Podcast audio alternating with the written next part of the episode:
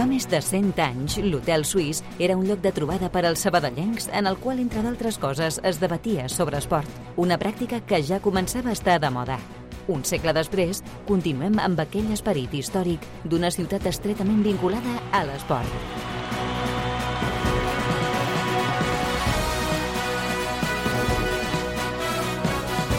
Hotel Suís, amb Pau Vituri.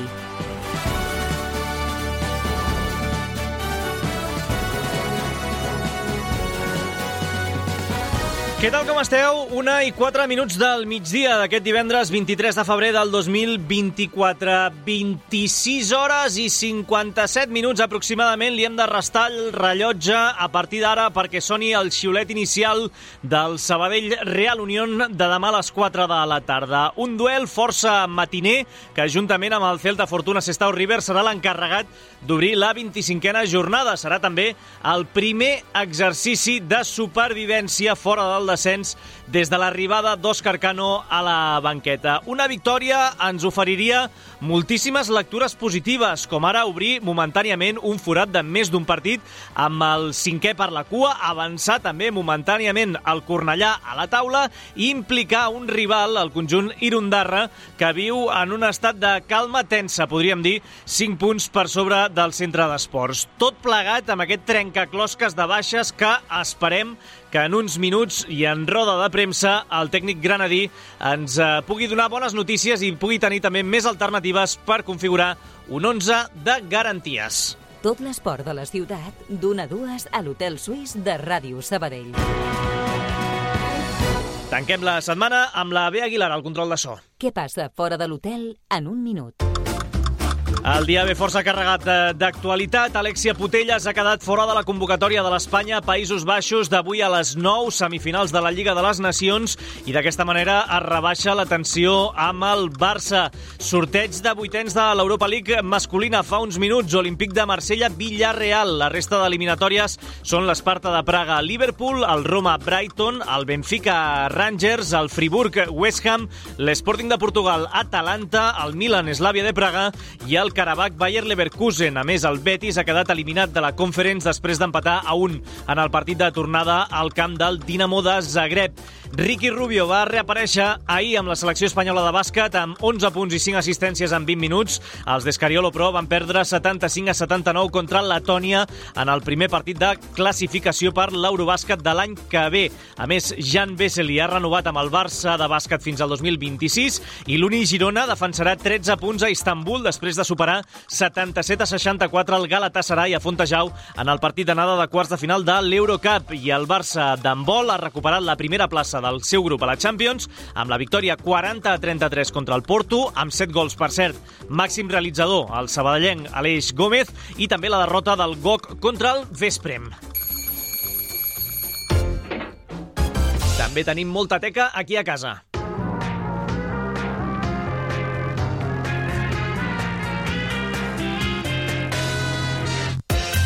Comenta la recepció? Tindrem avui la tornada d'aquesta roda de premsa d'Òscar Cano dels divendres, després de fer-se dijous de la setmana passada pel viatge a Zubieta, les estadístiques, la prèvia del Vic Sabadell B, el Premi Solidari que ha rebut el Sabadell Nord per part de la Federació Catalana de Futbol, la prèvia dels Dosoar d'handbol, l'última hora sobre l'Open d'hivern de natació, l'eliminació d'Iker Pajares a Chicago, David de la Cruz a Galícia o Marta Romance a Almeria.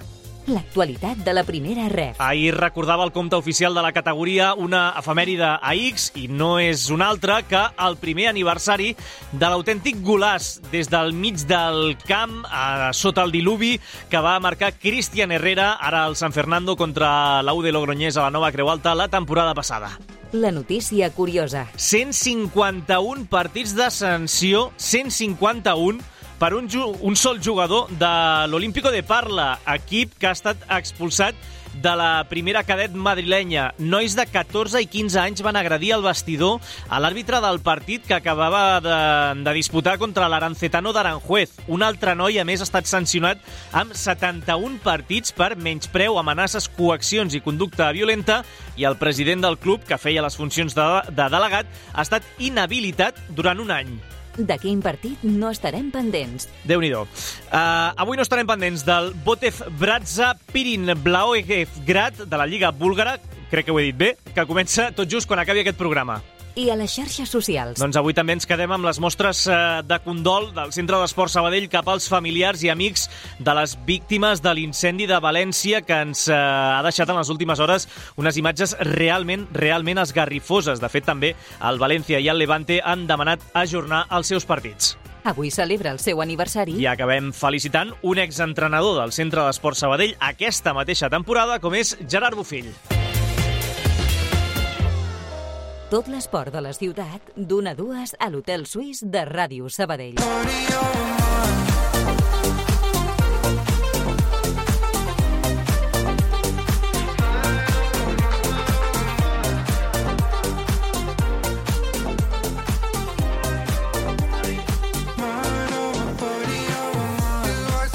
Pràcticament una i 10 minuts del migdia d'aquest divendres 23 de febrer del 2024, prèvia del Sabadell Real Unión de demà a les 4 de la tarda, amb el qual insistim sobre aquesta 25a jornada del grup 1 de la primera federació i ho venim dient des de fa ja uns eh, quants dies amb la boca ben plena amb el Sabadell fora del descens i tant de bo que sigui ja definitiu fins a final de, de temporada. D'aquí a 5 minuts hauria de compareixer Òscar Cano en roda de premsa. Marxarem fins a l'estadi de la Nova Creu Alta per veure com està la situació l'última hora. Sergi Parc, què tal, com estàs? Molt bon dia. Bon dia, Vituri. Quina és l'última hora? L'última hora és que acabo de veure una imatge que retrata perfectament el que està passant en el centre d'esports els últims dies. Pujar per les escales com podia Sander Ballero amb crosses, amb un aparatós banatge, amb protecció a la seva cama esquerra. Després recordem eh, que es trenqués el manís directament al migcampista garenc. És una de les baixes de llarga durada d'aquesta plantilla del centre d'esports que tan tocada està.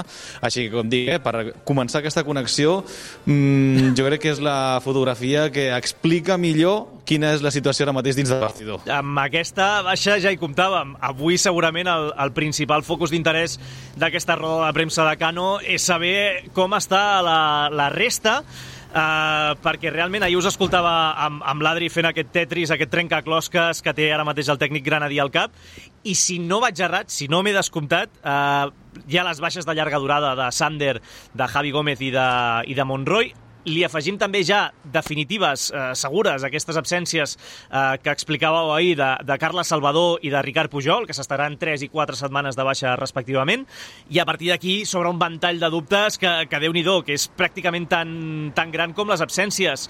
Eh, no em vull deixar ningú, eh, però Àlex Gualda, eh, Antonio Moyano, eh, Raúl Baena, Joan Ander Amelívia... Eh, no sé si em deixo algú per aquí pel, pel camí, eh?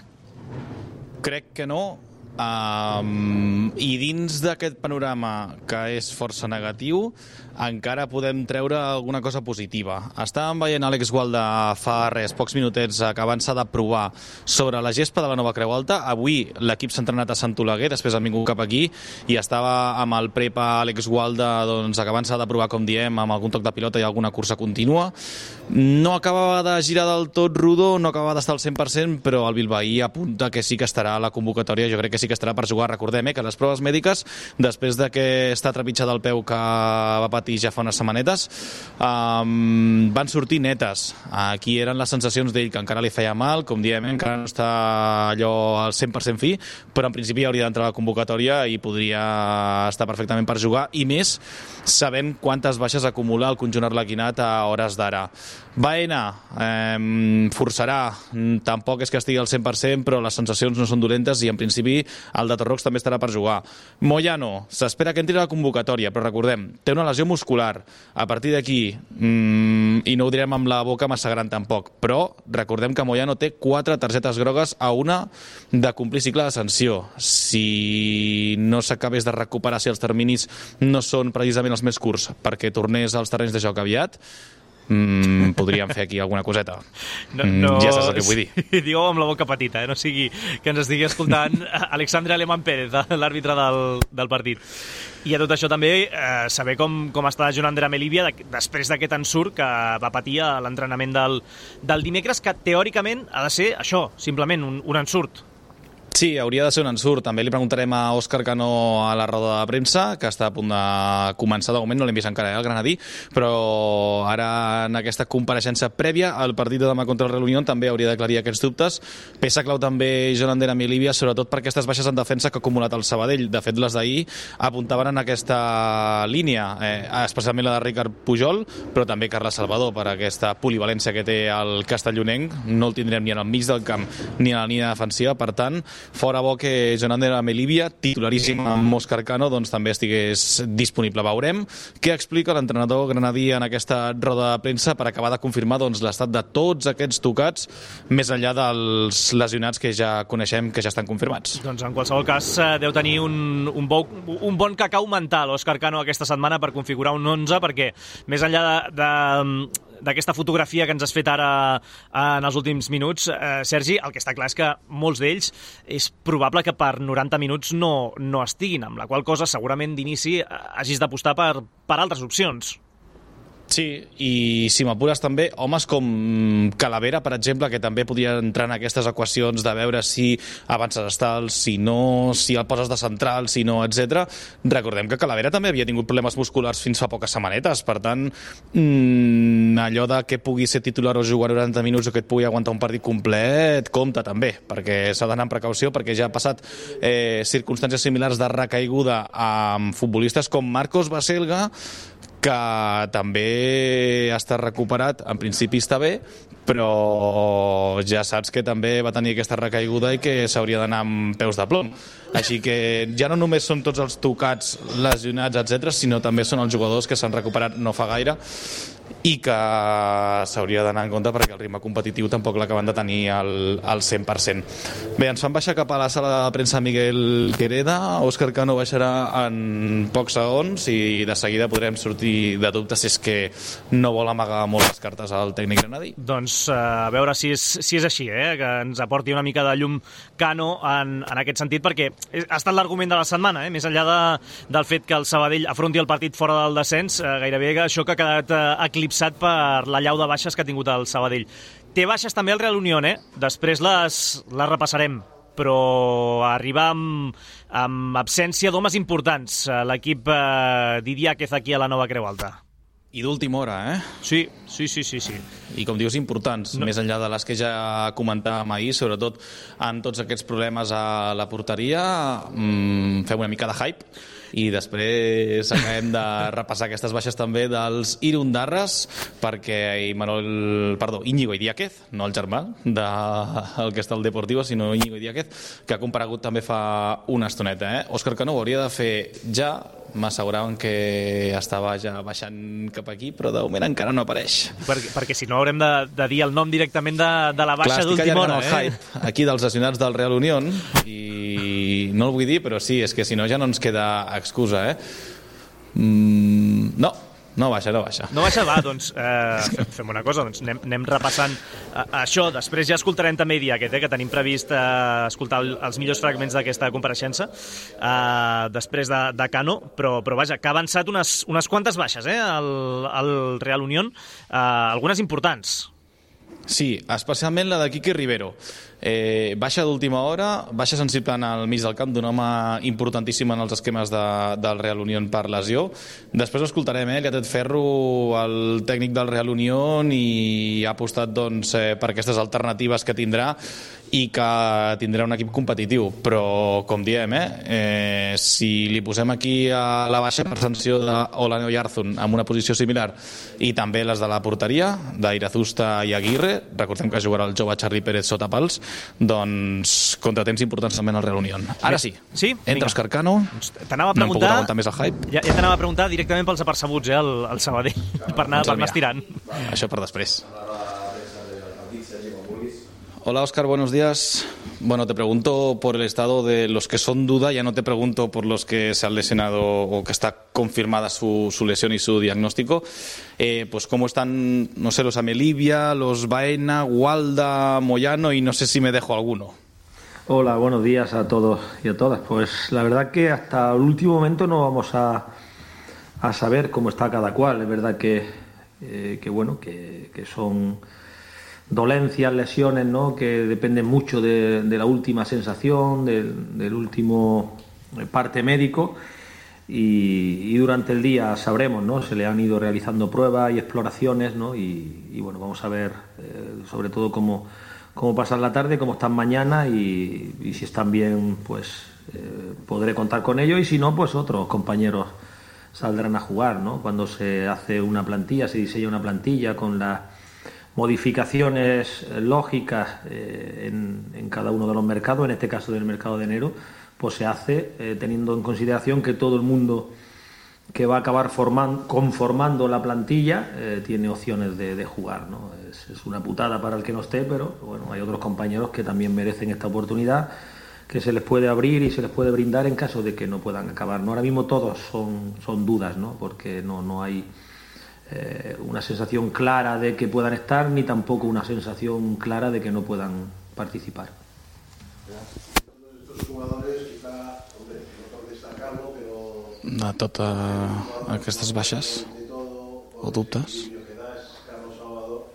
la ausencia de Carles Sabado, pues es la más sensible. Bueno, Carles es verdad que aquí ha caído de pie, ¿no? Como aquí en todos sitios, ¿no? Es un jugador que, que sabe perfectamente qué es lo que tiene que hacer cuando, cuando ingresa a jugar, eh, que puede desenvolverse en varias posiciones siempre y cuando vea el fútbol de, cara. No es un jugador eh, excesivamente ágil para jugar entre líneas y es verdad que él tiene muchísima experiencia y, como tú bien dices, es, un jugador capaz de ordenarlo todo. Su presencia y sus intervenciones son intervenciones que realmente lo ordenan todo, ¿no? A todo el mundo le va, le va dando el tiempo y, las circunstancias que necesitan para, para jugar, ¿no? Pero bueno, es decir, vamos a tratar de suplirlo de la mejor manera posible.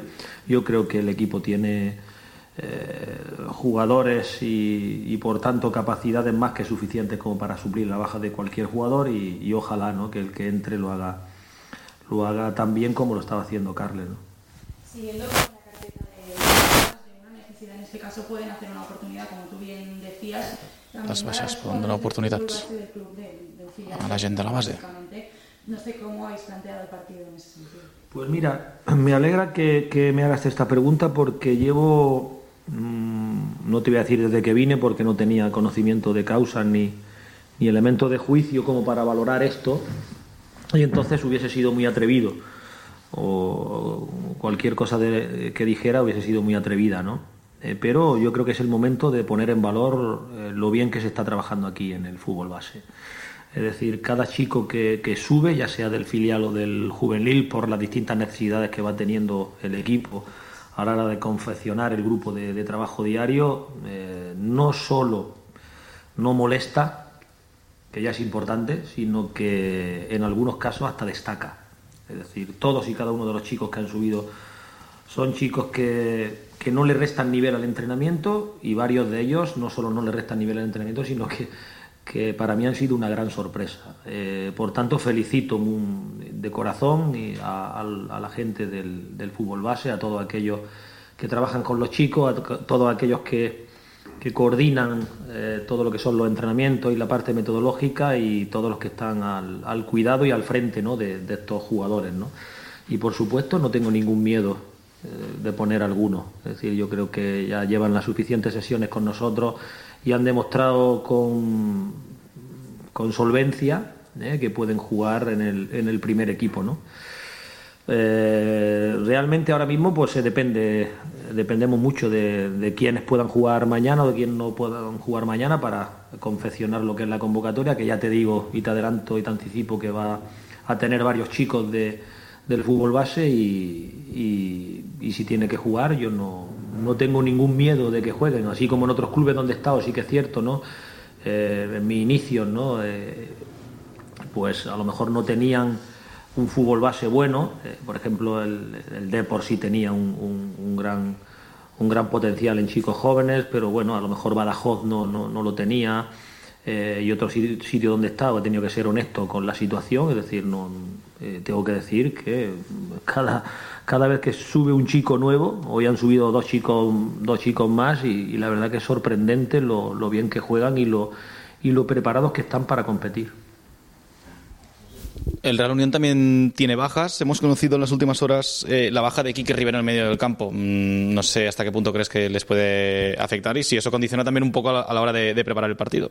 No, no, es decir, si, si andamos excesivamente preocupados por quienes vienen, por quienes no vienen y en base a eso eh, lo condicionamos todo, pues evidentemente no estaríamos eh, siendo justos con lo que es nuestra plantilla, ¿no? Evidentemente eh, todo tiene sus matices en función de quiénes estén y quienes se ausenten, ¿no? Pero eh, obviamente la baja de Quique es un jugador, pues como hemos hablado antes de Carles, ¿no? Que es un jugador capaz de ordenarlo todo, que tiene un uso de la pelota, pues que, que condiciona para bien que posiciona a todos sus compañeros porque les da el tiempo exacto y, y a, a, todo y bueno es un jugador que, que, para ellos es una baja sensible no pero obviamente no los que entran pues también son jugadores que, que tienen un prestigio reconocidísimo unas capacidades buenísimas yo además de verlo en vídeo durante durante la primera etapa del campeonato. El otro día nos personamos allí en Tarragona para verlos y, y es que no solo no merecieron perder, sino que, eh, que hubo por momentos, eh, evidentemente, sometieron y a base de bien a, al Nastic. ¿no? Viene, viene, un, viene un buen equipo, repito, de buenos jugadores y obviamente uno de ellos es Quique, Quique Rivero. ¿no? Sí, después de tantas semanas hablando de la zona de descenso, de salir, hem estat parlant de sortir de la zona de descens durant moltes setmanes i per fi el Sabadell comença la jornada fora d'ella. Si això canvia la mentalitat o la confiança, la manera d'enfocar. Sí, un poco, un poco, claro que lo, de, lo determina. Verse ahí, pues evidentemente es mucho mejor que verse por debajo, ¿no? Pero es que cualquier detalle, un, un empate, eh, que tenga también o que se relacione, que se vincule con victorias de la gente que nos que, no, que está ahí por debajo nuestra, estamos en tan pocos puntos que, eh, que de una semana a otra te puedes ver otra vez en, en, descenso. No, no, ya sabéis que la línea que yo he seguido, pero no es una línea porque, por capricho o porque eh, bueno, eh, sea un relato, ¿no? sino que es una línea en la que yo creo, ¿no? porque quedaba mucha, mucha liga y todavía queda mucha liga, muchas jornadas. ¿no? Y yo soy de las personas que piensan que nada de lo que pase, a no ser que no haya puntos para, o no haya partidos, por tanto puntos, para corregir, eh, pues evidentemente nada, nada, de lo que pase es definitivo. ¿no? Eh, lo que sí que es cierto es que hay que poner en valor todo lo que han hecho estos chicos por salir de esa situación tan, tan pésima en la que se encontraban a nivel de clasificación, a nivel de puntos. Y ahí estamos, ¿no? Ahí estamos y ahora tenemos la oportunidad, pues bueno, pues de acercar a algún que otro equipo más a unirlo a la fiesta, ¿no? Y uno de ellos, pues tenemos ahí ya mañana, que es el Real Unión de Irún, que va a ser un partido ya anticipo muy difícil, porque es un equipo que juega muy bien al fútbol, que tiene muchísimos argumentos para competir y, bueno, vamos a tratar de hacer bueno, eh, pues eso, el estado en el que estamos ahora mismo, la dinámica tan buena que llevamos, eh, ya no solo de resultados, que no está mal, ha podido ser mejor, pero no está mal, sino de, pues eso, de, sensaciones. ¿no? Es cierto viene fuera de casa, pero también serà una oportunitat este fin de setmana de resarcir-se. També serà una oportunitat per refer-se de la derrota contra el Barça Atlètic de fa dues setmanes aquí al Temple. Sí, sí, porque además fue una derrota fea, ¿no? Una derrota injusta, inmerecida. Yo creo que, eh, que incluso, fíjate, si al final del partido hubiese habido reparto de puntos, también hubiésemos considerado que no era justo, ¿no? Pues imagínate eh, salir de vacío en tu casa con el ambiente que se generó, cómo estaba la gente con nosotros, con todo lo que se originó en esa segunda parte, que veíamos que estaba muy cerca, muy muy cerca de ganar, con varias opciones de, de, pues eso, de mano a mano con el portero. Y bueno, y la verdad que es una buena oportunidad, sí señor, es decir, estoy contigo en, que se presenta mañana una oportunidad de, bueno, pues de, seguir haciendo bien las cosas y a poder ser de brindarle una victoria a nuestra gente. Eh, alguna més? Doncs ho deixem aquí, moltes gràcies. Doncs aquí acaba la roda de premsa d'Òscar Cano prèvia al Sabadell Real Unión de demà a les 4 de la tarda a la Nova Creu Alta. Si esperàvem sortir d'algun dubte Pau Vituri perquè fa els dubtes? Doncs no, haurem d'esperar les pròximes hores. Uh, sí que és cert sí que és cert, Parc uh, que uh, podríem dir que l'única novetat que, que ha donat uh, que ha deixat entreveure Òscar Cano és que hi haurà una àmplia presència de jugadors del futbol base a la convocatòria i que avui s'han entrenat dos nois nous amb, amb l'equip. Tenim els noms. Sí, tenim els noms. Uh, per cert, circumstància que també té nassos, per dir-ho suau, tant el filial com el juvenil A del centre d'esports juguen a la mateixa hora que el primer equip. Uh, bé, el juvenil A juga mitja hora més tard, aquí a Olímpia, però la qüestió és que, clar, tots els que entrin a la convocatòria de l'Obrador, doncs evidentment es perdran els partits amb els seus respectius equips. Aquí queda. Sí, hi ha, hi ha un efecte dominó aquí que, que farà que uns quants equips de, de la base es vegin perjudicats. Però bé, sí. que al final és la seva funció també, aportar sí, sí. jugadors a, als equips que estan per, per sobre. Eh, ten, tens la llista, no? A tot sí. això? Del filial Nacho Bonet i Javi López, si no m'equivoco, i del juvenil uh, Pau Fernández, Jan Font i Javi Morcillo, i si em deixes aquí un petit espai per l'opinió personal, Javi Morcillo, migcampista, eh, juvenil de segon any, uh -huh. que ja està amb el Divisió d'Honor i és un futbolista espectacular. Doncs aquí que té molt bona pinta. Aquí queda ja l'anàlisi uh, d'aquest pivot de segon any. Javi Morcillo, Jan Font, per ser, és central, eh? si algú no el té massa, massa ubicat, és central. Uh, I Pau Fernández, uh, vaja, un habitual ja en els entrenaments del primer equip, aquest lateral a l'esquerra, internacional sub-19. Tens pressa, Sergi Parc? Cap ni una. I si et dic que sí, tampoc em deixaries deixar-te si menjat, sí, no? sí, t'aguantes. uh, dos quarts de, de dues. Fem una cosa, fem un petit break abans d'escoltar Íñigo i Diáquez. Uh, escoltem les estadístiques amb la veu de la Núria Garcia i de seguida, doncs això, repassem el bo i millor de la roda de premsa del tècnic del Real Unión. Som-hi primer amb les estadístiques.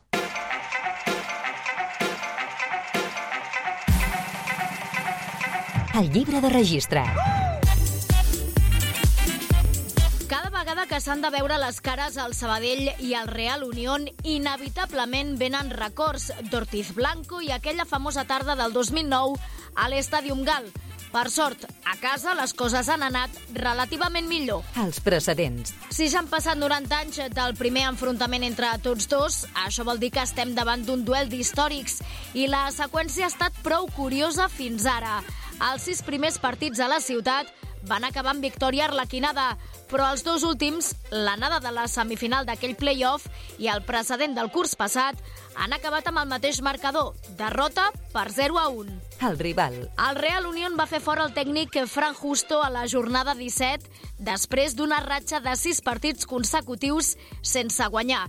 En aquell moment la mitjana de punts per partit era d'1,24. Va agafar les regnes Íñigo Idiáquez i aquesta xifra no ha millorat massa en 7 jornades, un 29 per enfrontament.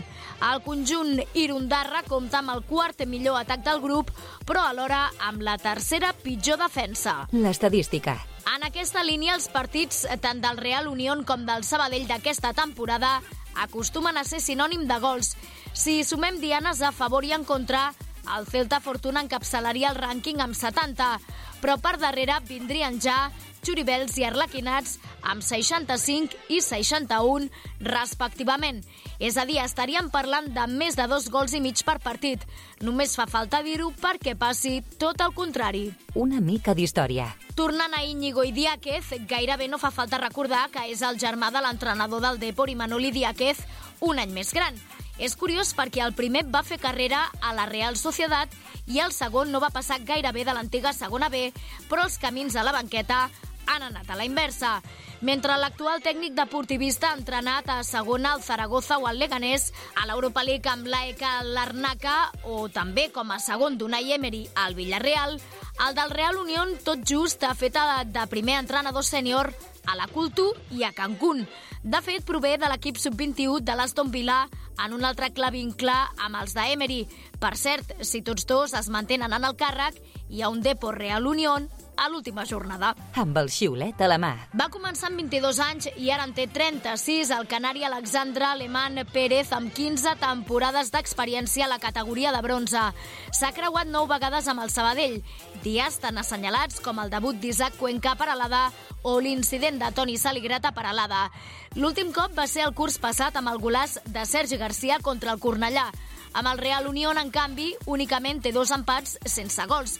La seva mitjana és de 5 grogues i mitjà per partit i 0,45 vermelles. La curiositat. Tot i portar una dècada i mitja a la categoria, Aleman Pérez no és ni l'àrbitre més veterà ni qui té més experiència. Aquest honor correspon a l'asturià Jaime Ruiz Álvarez, que va començar a xiular l'antiga segona B la temporada 2008-2009, un abans que el Canari. Per cert, el seu únic precedent amb el Sabadell no porta bons records. Va ser el 3-0 a Valdebebas de fa dues temporades, que va acabar amb la destitució d'Antonio Hidalgo després del partit. El llibre de registre de l'hotel. Doncs Alemán Pérez, eh, l'àrbitre del, del partit, insistim que va presenciar aquell famós eh, debut d'Isaac Cuenca a Badalona, a Badalona volíem dir, i també l'incident de, eh, de Toni Saligrat a, a Paralada. Sergi Parc, estàs per aquí, oi? Aquí estem, a sota de, de la cabina de Ràdio Sabadell. Em sembla bastant curiós, eh, cridaner, que eh, en els partits del Sabadell i del Real Unión eh, s'hagin viscut eh, 61 i 65 gols respectivament, a favor i en contra. Això vol dir que pràcticament ens anem a, als 3 gols per partit, insistim, a qualsevol de les dues porteries. Eh, això podria anticipar un duel de gols demà, però és dir-ho i que passi el contrari, eh? Doncs et dic una cosa, Pau Vituri, a més m'ha servit en safat eh, el que volia puntualitzar en algun moment en aquesta prèvia. Um, bon dia perquè hi hagi gols el de demà, perquè les porteries llueixen diferent, llueixen noves, perquè s'estan canviant les xarxes. Sí, molt bé. Se'm fa estrany eh, veure les xarxes tan blanques, tan rectes, amb angles rectes, per dir-ho així, sense que estiguin gastades. Així que, mira, ara la de xarxa de Gradalino està canviada i la de Gol Nord l'estan canviant en aquests moments. Eh, tant de bo siguin jugadors del Sabadell i no en la porteria pròpia, sinó la contrària, els que perforin primer doncs això, la porteria rival i estrenin aquesta xarxa que s'estrenarà demà, insistim, perquè sí, el Sabadell Real Unión promet ser un partit de gols per aquestes estadístiques prèvies com a mínim al partit de demà, però ja sabem també que, per exemple, recordo la temporada passada, Sabadell, SD Logroñés, em sembla que eren els dos equips que més encaixaven una cosa així, 0-0. Sí. Veurem, veurem si s'estrenen demà o no aquestes uh, xarxes. Uh, Som-hi amb Midiàquez o què? Som-hi. Vinga, doncs, per on comencem? Doncs per aquestes baixes, si et sembla. Uh, com dèiem, eh? i dia que en roda de premsa fa una estona que no li donava tanta importància a la baixa de Quique Rivero, bé, sí, és un home important, però intentava no dramatitzar el tècnic del Real Unión, i a partir d'aquí veurem què és el que s'inventen en el mig del camp, perquè recordem que Oyarzun també està sancionat, que Orrili viatja però veurem per quanta estona està per jugar i d'altra banda també a la porteria doncs, ha confirmat Idiáquez que una Aguirre serà baixa. Llevo mucho tiempo diciendo que estoy muy encantado con el grupo, cómo entrenan y cómo trabajan. Entonces al final eh, falta uno y, y, entra otro. O sea que tampoco, bueno, Quique es muy importante para nosotros, pero bueno, eh, eh, el siguiente. O sea que al final aquí no, no podemos esperar a nadie. Entonces, bueno, vamos con, con las ideas claras y, y, con un plan y espero que, que salga bien y, y llevemos esas, esas sensaciones que hemos tenido partidos anteriores i, i intentar ganar allí. Doncs important aquesta baixa de Quique Rivero. Uh, de fet, ara confessaré, Parc, el que em deies fa una estoneta a la redacció i també per, per via interna, i és que això podria propiciar el debut de Carlos Beitia. No ha jugat encara. Carlos Beitia, recordem, eh? una de les sortides que es van produir en el mercat d'hivern del centre d'esports, precisament buscant més minuts, més protagonisme, doncs bé, eh, ha anat convocat en les últimes quatre jornades Beitia, però no ha jugat encara. Per tant, podria fer el seu debut, curiosament, aquí a la Nova Creu Alta dissabte, però de moment, insistim, no està comptant amb la confiança d'Idiáquez. Sobre el partit, eh, purament en, en si, què ha dit el tècnic del, del Real Unión? Doncs d'entrada, parlant del rival que tindran aquest cap de setmana, que no és cap altre que el centre d'esports, ha dit allò tan tòpic que és un partit de la seva lliga, per tant mirant més cap a baix que no tant cap amunt i Diàquez, i també doncs, ha analitzat així el Sabadell, dient que tenia o té una plantilla que estava construïda per intentar coses més ambicioses, però que s'han trobat en aquestes circumstàncies. Partido de nuestra liga, eh, bueno, ellos a principio de temporada me imagino que el presupuesto que tienen y la plantilla que tienen era para intentar el, el ascenso sin ninguna duda, pero bueno, al final eh, todos los equipos quieren hacer lo mismo y se les complicó y bueno, pues ahora ya una, una dinámica un poquito mejor que la anterior y bueno, eh, veremos a ver un poquito lo que, lo que nos sucede, pero bueno, eh, vamos con, con, la misma idea de, de seguir haciendo lo que estamos haciendo muy bien i intentar conseguir els tres punts ahí. Doncs un altre entrenador rival que situava el Sabadell al tren capdavanter a l'hora de fer les prediccions a principi de temporada, tot i que hi dia que, insistim, no hi era, al, al Real Unión, i era Fran Justo, però, però bé, uh, deia que el Sabadell era, era candidat en aquest, en aquest cas. Uh, de fet, també no sé si ha intentat, eh, Parc, això m'ho diràs tu, o, o vull saber també la teva opinió, si ha intentat passar-li més la, la pressió al Sabadell o, o posar la pressió a la taulada del Sabadell a la, a la prèvia del partit. Sensació que sí, ni que sigui també per la situació classificatòria, que al final, tot i la bona dinàmica del conjunt arlequinat, recordem que el coixí que té respecte al descens és només d'un punt, potser també pel fet de jugar aquí a casa. Mm, creu i dir aquest que el Sabadell és el que està obligat a treure els 3 punts, però en tot cas, ell també vol la victòria. De fet, allò tan tòpic que es diu de fer bo el punt aconseguit fora de casa quan jugues de local, doncs bé, aquí ho ha girat a la inversa. Després de l'empat a l'Estadi Mungal de la setmana passada del Real Unión contra el Celta Fortuna, esperen fer bo aquell empat en aquesta visita aquí a la, la Nova Creu Alta. Nosotros tenemos que ir con una mentalidad de nos han dado un punto, vamos a mantener ese punto para intentar conseguir los tres puntos. Entonces, bueno, eh, ellos sí que es verdad que, que ellos necesitan obligatoriamente conseguir los tres puntos. Nosotros al final, pues bueno, tienes eh, más margen de, de, error. Pero sí que es verdad que vamos con la mentalidad de ganar los tres puntos. Entonces vamos con esa, esa idea, pero sabiendo un poquito que ellos pues están más forzados a, a tener que ganar los tres puntos. Entonces, bueno, hay que jugar un poquito con eso también. A mi, Parc, no sé a tu, però em sembla uh, un pèl exagerada uh, aquesta paraula que ha fet servir d'obligació de, uh, de guanyar els, els tres punts al Sabadell venint d'on ve l'equip d'Òscar Cano. És cert que té més urgències que el, que el Real Unión, però d'aquí a obligatorietat, uh, no sé jo, i més que res també perquè ahir també ho dèiem amb l'Adri a l'Hotel Suís, que al final el Real Unión sí, està a mitja taula, té un marge força més còmode, que ja el signaríem tenir aquí a Sabadell, eh, també, respecte al descens, és de 6 punts, per tant, 5 punts més que el Sabadell, però que no es pot adormir, que al final al final d'aquesta jornada, en el pitjor dels escenaris, el Real Unión es podria quedar a tot just un partit de la zona de perill i, evidentment, si encadenés un parell de jornades més, per exemple, sense treure la victòria, es podria veure de nou immers en aquesta zona baixa. Per tant, home, mmm, si és que algú té una mica més d'urgències, podria ser el Sabadell, sí, però l'obligatorietat de guanyar jo crec que la tenen els dos.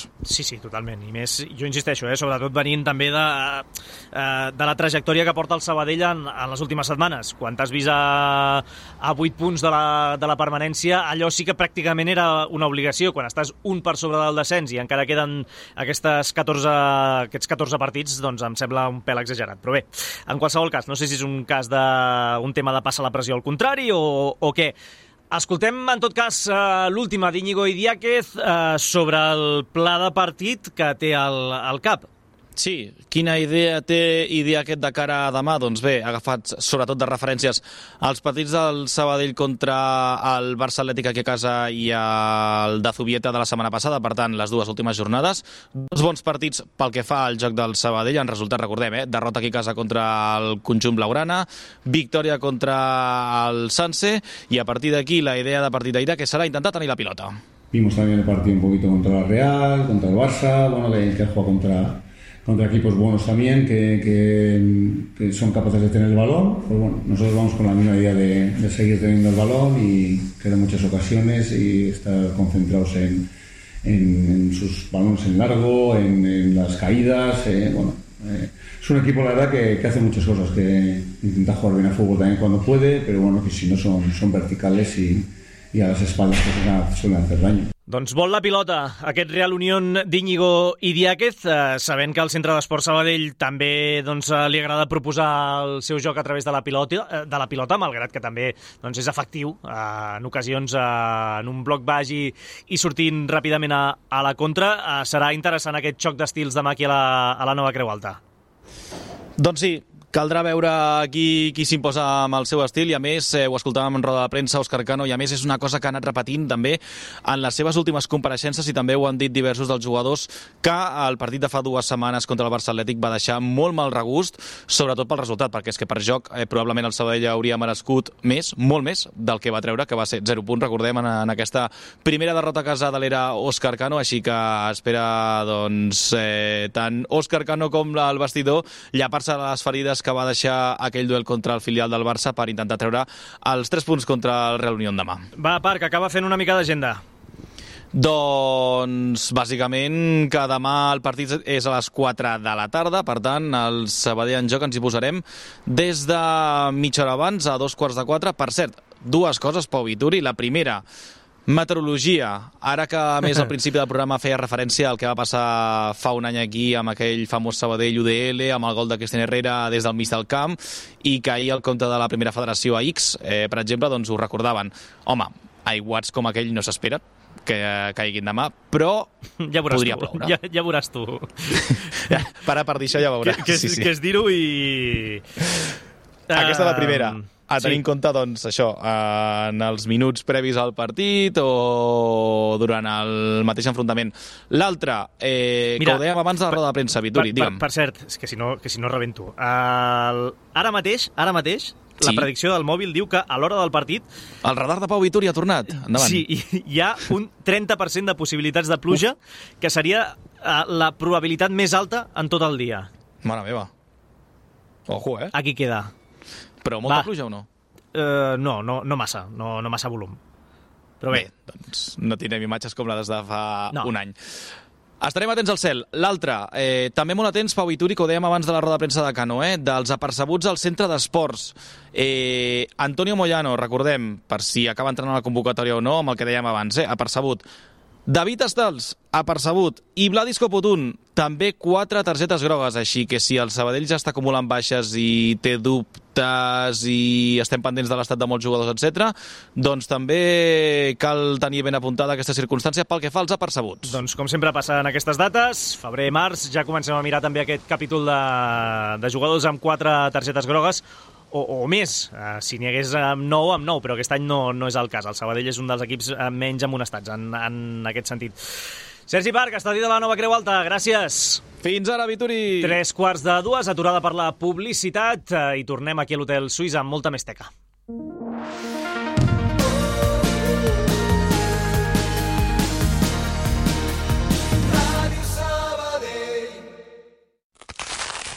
Ets un panarra. T'agrada el pa de debò, cruixent amb molla esponjosa i l'aroma de l'autèntic pa.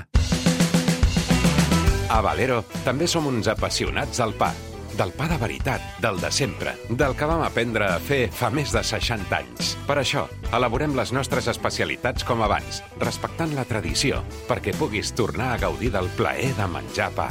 Perquè a Valero som forners. Som del Sabadell. Sabadell en joc. Quatre mesos li ha costat al Sabadell abandonar el descens. Quatre mesos de patiments i penúries que no han acabat. El camí cap a la tranquil·litat segueix sent llarg i ara toca no despistar-se per acabar de confirmar que els arlequinats volen continuar sent de primera federació. Sabadell en joc. Passió arlequinada. Dissabte a dos quarts de quatre de la tarda i des de la nova Creu Alta, Centre d'Esport Sabadell, Real Unión Club d'Irun. Segueix el partit del Sabadell amb la narració del Sergi Garcés, els comentaris de l'Adriana Arroyo i la direcció del Pau Vituri. Dissabte a dos quarts de quatre de la tarda, Sabadell en joc. Centre d'Esport Sabadell, Real Unión Club d'Irun, a Ràdio Sabadell. Vibra amb els partits del Centre d'Esports al Sabadell en joc.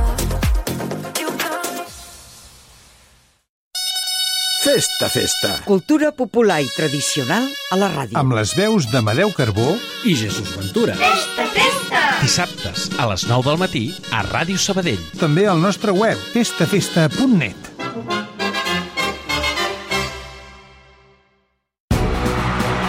D'una a dues, l'Hotel Suís, a Ràdio Sabadell.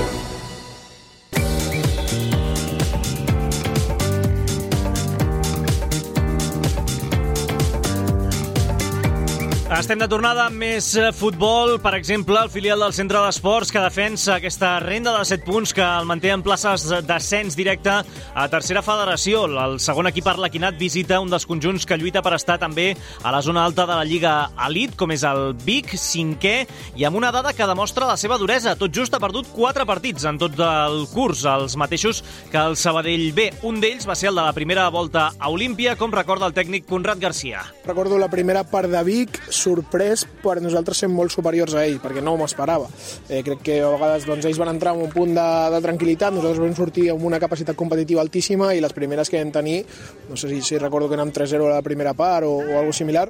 L'equip usonenc, a més, ve de guanyar domicili al Palamós per 0-1, tres punts que li van servir per mantenir-se en aquestes posicions de play-off. Demà a les 4 arrencarà el partit a Osona i es podrà seguir en directe a través de la xarxa. Un fet, atenció, que amaga una estadística curiosa que no ha jugat precisament a favor dels interessos dels de Conrad Garcia. No tindrà res a veure amb el partit d'allà. Primer perquè ens dona la, la xarxa i això és dolent per nosaltres. Ens han donat dues vegades i hem perdut dues vegades. Però després perquè el camp és molt diferent, aquell camp és molt més gran, ells han millorat com a equip, nosaltres també, per tant serà un partit molt, molt diferent. El del filial L'Arlequinat serà un dels partits que obrirà la jornada 19 d'aquesta Lliga Elite. Un altre dels enfrontaments que jugarà demà a les 4 serà, per exemple, el Granollers Europa B. El filial escapulat, recordem, és líder amb 4 punts més que el segon equip del centre d'esports. Twitter, Instagram, Facebook, Telegram, YouTube, Twitch... Segueix Ràdio Sabadell a les xarxes socials. I un apunt més de futbol perquè el Sabadell Nord va ser premiat ahir per part de la Federació Catalana de Futbol a la setena edició dels Premis Solidaris. En concret, l'entitat de Canuriac va rebre el primer premi Foment dels Valors i Cohesió Social per l'organització, el juny de l'any passat, del torneig Fem Barri, en què es van recaptar 800 euros destinats a la Fundació Diabetes Zero. Paco Hermoso, que ahir va ser l'encarregat de rebre el reconeixement, és el president del Sabadell Nord. Aquest dia va ser una meravella, perquè va fer un dia molt maco, que era ser lo important, és el mes de juny, que pràcticament la, les temporades esportives han finalitzat i hi ha ganes de futbol i va ser una meravella. Una jornada molt maca. A més a més, tenim eh, un equip d'inclusius que en aquell dia també van participar i ho van passar bomba. La iniciativa, que portava per nom per la diabetis al marcador a 0, va sorgir de la mare d'un jugador del Sabadell Nord amb diabetis de tipus 1 i que és vocal de la Junta d'aquesta fundació. L'objectiu era donar visibilitat als avenços que s'estan fent per aconseguir la cura de la diabetis i la importància de seguir ajudant econòmicament les investigacions que s'estan duent a terme. Tot l'esport de la ciutat, d'una a dues a l'Hotel Suís de Ràdio Sabadell.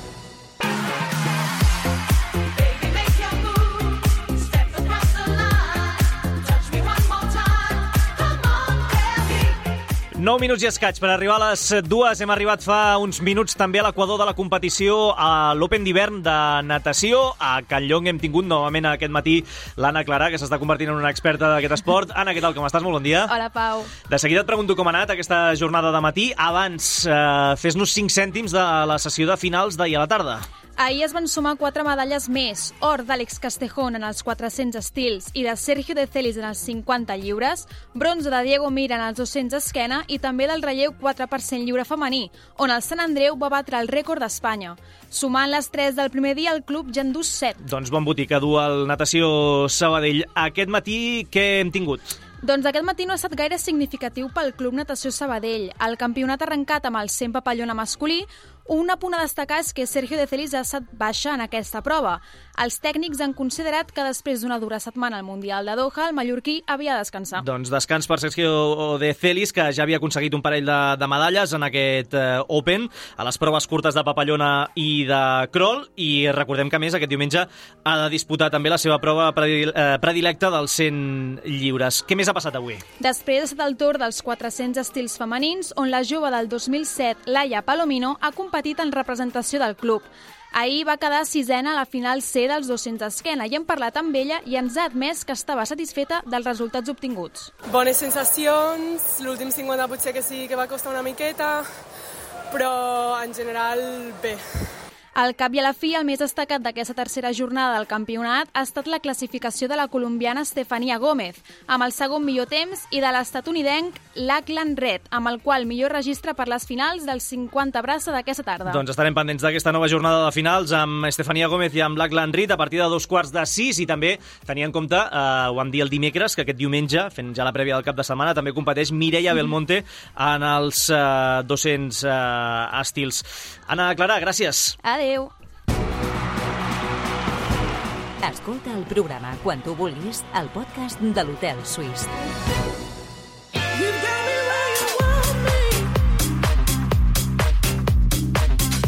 7 minuts per les dues, en handbol, últimes 6 jornades per l'Oar Gràcia femení, amb tot per decidir a la divisió d'honor plata. Les de Carol Carmona afronten el desplaçament més complicat que els queda, ja que viatgen cap a València per enfrontar-se diumenge a dos quarts d'una del migdia al Levante, sisè classificat. L'Oar, recordem, és segon i ocupa l'última plaça per fer fases d'ascens, però la Roca té els mateixos punts, amb la baraix perdut, i el Sant Joan d'Espí només en té un menys. Mireia Pasqual, extrem de l'equip, té ben estudiat el calendari i recorda, en tot cas, que si fan bé la seva feina, no hauran d'estar pendents d'arribar als directes. Ens hem mirat bastant, la veritat, i ens queden... Els altres equips sí que hem vist que la Roca, Sant Joan, doncs els hi queden alguns partits que, que són bastant, bastant difícils ja que són fora de casa.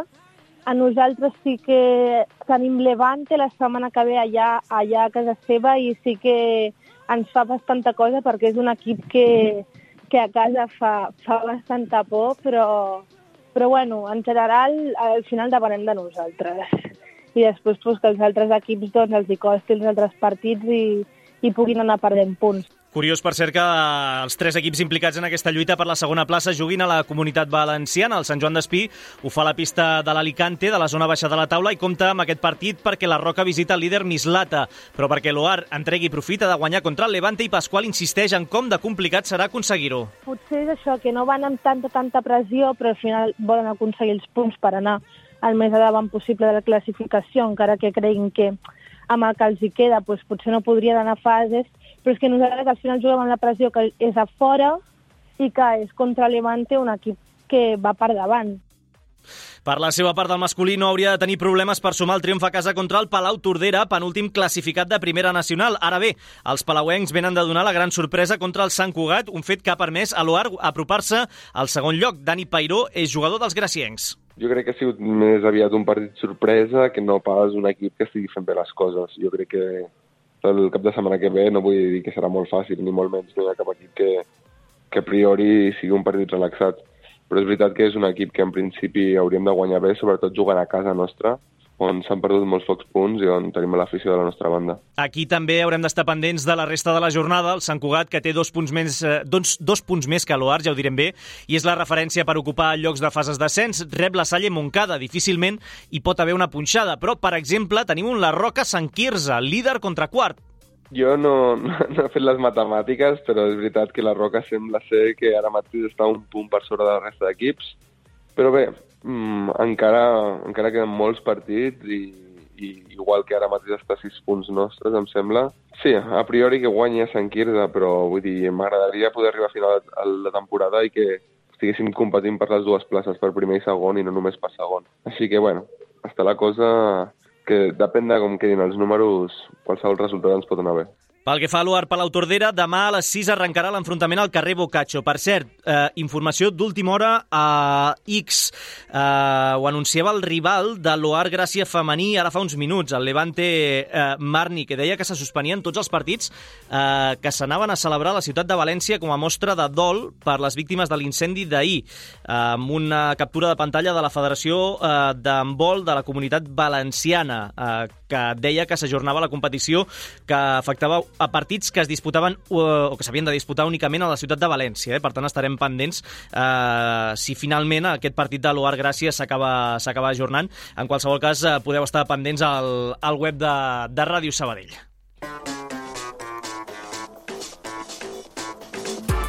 I acabem fent un parell de, de punts. Uh, per exemple, Iker Pajares ha quedat eliminat al Windy City Open de Chicago. L'esquaixista sabadellenc ha acusat el cansament de les últimes dues setmanes amb el títol de campió d'Espanya i també la final de l'Squash on Fire de Washington i ha caigut a la segona ronda d'aquest gran slam a mans del mexicà Leonel Cárdenas, 19 llocs per sota el rànquing mundial per 1-3 en 70 minuts. La pròxima cita està programada pel 12 de març a l'Optasia Championships de Londres. I en ciclisme tenim la segona etapa en marxa o Gran Camino amb la presència de David de la Cruz, 152 eh, quilòmetres entre Taboada i Chantada, amb un perfil de mitja muntanya amb 3.000 metres de desnivell, dos ports de tercera i dos de segona, l'últim que es corona a 4 quilòmetres de l'arribada. Ahir la contrarrellotge inaugural a la Corunya va quedar deslluïda per les fortes ratxes de vent, no es va permetre sortir amb la cabra, les bicis de crono, i els temps no van comptar per la general. Tot i això va guanyar el britànic Josh Tarling, que, llueix, eh, que llueix el mallot de líder, mentre que De la Cruz va signar el 14è millor registre. I a més, Marta Romance té aquest diumenge la clàssica d'Almeria, una prova de categoria 1.1 amb sortida i arribada a Puebla de Vícar. En total seran 103 quilòmetres amb un port de segona com a principal dificultat a uns 30 de l'arribada. La del Massi Baxter es va estrenar com a ciclista professional precisament l'any passat en aquesta mateixa prova en què va ser 72ena. Recordem que enguany només ha disputat fins al moment la setmana ciclista valenciana en què va arribar fora de temps a la segona etapa. I a moda d'agenda, dir també que demà a les 5 de la tarda es descobrirà una placa commemorativa amb la qual oficialment la pista coberta d'atletisme de Catalunya passarà a afegir el nom de Carme Valero, l'exatleta sabadellenca que va morir el passat 2 de gener. Un acte que es durà a terme en el marc del Campionat d'Espanya d'Atletisme Sub-18 que se celebra aquest cap de setmana a Sabadell. Poc més d'un minut per arribar al punt de les dues, ho deixem aquí.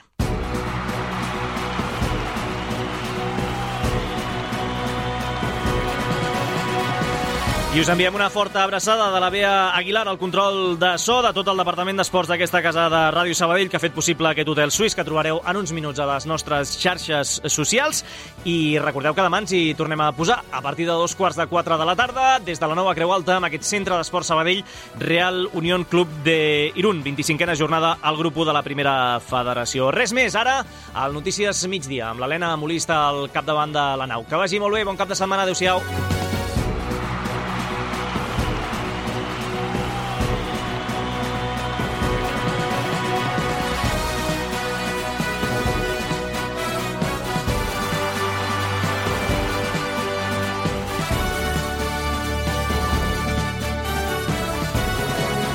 L'esport de la ciutat, d'una a dues a l'Hotel Suís de Ràdio Sabadell.